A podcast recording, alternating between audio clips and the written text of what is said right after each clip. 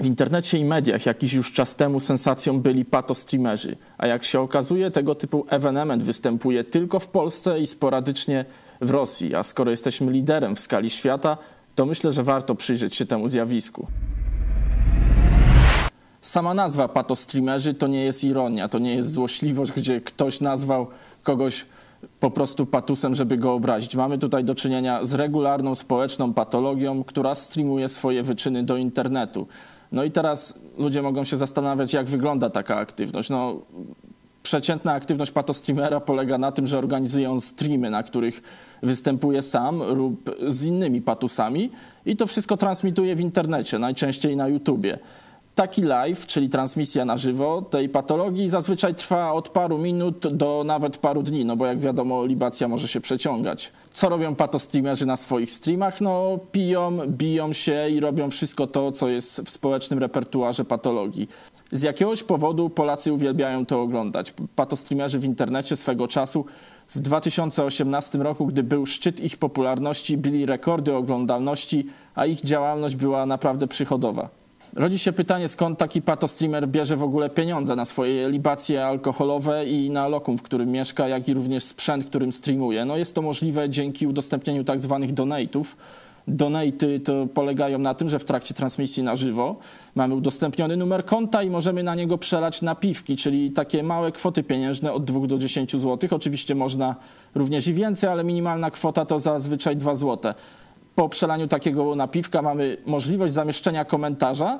Ten komentarz zazwyczaj jest wyświetlany na ekranie, jak i również odczytywany przez y, oprogramowanie. No i w ten sposób właśnie mamy zaszczyt skomunikować się z y, patostreamerem, jak i jego, z jego publicznością problem patotreści w internecie dostrzeg, dostrzegały już media, dostrzeg je również, dostrzegały je również różne fundacje, dostrzegł je również Rzecznik Praw Obywatelskich, który zorganizował u siebie spotkanie z, z przedstawicielami rządu, z vlogerami, blogerami, jak i również przedstawicielami różnych fundacji, na którym to rozmawiano, jak sobie zaradzić z tym problemem. No co ciekawe, był tam też przedstawiciel Google'a, który stwierdził, że z tego, co jemu wiadomo, tego typu zjawisko na tak ogromną skalę i tak ogromną popularność osiągnęło tylko w Polsce.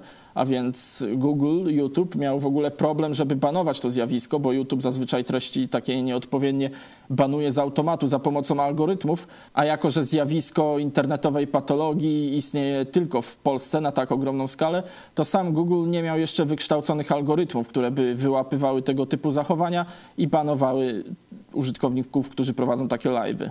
Zjawisko patostreamingu, jak i sami patostreamerzy najbardziej osiągnęli szczyt swojej popularności w 2018 roku. Wcześniej powiedzmy to rozwijało się przez około 5 lat. W 2018 roku było już to tak popularne i tak nasiliło się w internecie. YouTube nic z tym za bardzo nie robił, nie był też w stanie za bardzo coś z tym zrobić, bo był przyzwyczajony do moderowania treści za pomocą algorytmów.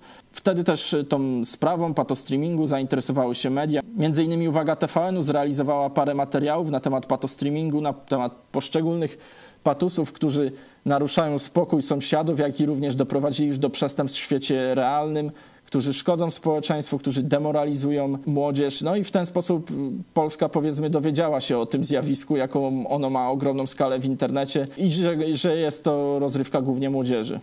Po wzmożonym zainteresowaniu mediów, jak i instytucji państwowych patostreamerzy byli karani i usuwani z internetu, zarówno przez YouTube, jak i również byli karani po prostu przez policję, bo ich tryb życia wiązał się z popełnianiem przestępstw w realnym świecie. I można powiedzieć, że ich popularność zaczęła spadać, a to przez to, że nie byli dostępni na popularnych platformach. Wielu z nich miało również realne wyroki w świecie rzeczywistym, przez co nie mogli prowadzić swojej działalności. W tym czas, samym czasie doszło do czegoś takiego, co nazwałbym profesjonalizacją zjawiska patostreamingu, bo powstały specjalne gale walki MMA, w których główną motorem napędowym marketingowym tych gal było to, że brali w nich udział patusy, patostreamerzy, więc doszło do zjawiska profesjonalizacji patostreamingu w Polsce. Teraz już nie występowali oni na YouTubie, ale w legalnie działających biletowanych imprezach gdzie byli motorem napędowym marketingu całej imprezy. No mowa tutaj chociażby o Fame MMA, czyli pierwszej takiej imprezie zorganizowanej z udziałem patusów, no jak i również innych youtuberów. Można też wspomnieć, na czym polegało samo Fame MMA, bo jak nazwa wskazuje, było to, była to gala MMA, czyli sportu walki, jednak ze sportem sama gala ma niewiele wspólnego. Po dziś dzień wielu, wielu dziennikarzy sportowych wyzłośliwia się nad tym zjawiskiem tych gal. Po, po zresztą wystąpieniu na gali Fame MMA większość polskich patostreamerów znikła z internetu, bo zostali jakoś ostatecznie skazani za realne przestępstwa lub dostali dożywotnie bany praktycznie na wszystkich platformach i nie bardzo mają możliwości teraz występowania albo, albo są w trakcie wyroku jakiegoś karnego.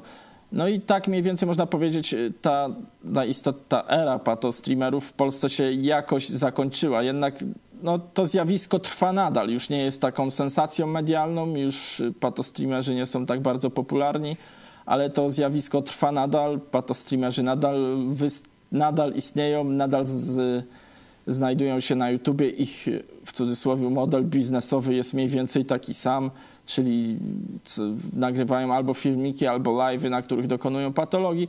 No a ludzie im za to płacą, bo gdyby nie płacili, to by tego nie robili ludzie płacą za możliwość uczestniczenia w tej, nie wiem, czy można to nazwać zabawie, ale w tym, w taki, za, płacą za taki sposób właśnie spędzania czasu poprzez oglądanie patosteamerów. Dają im te tak zwane donaty, czyli napiwki, żeby móc wejść z nimi w interakcję.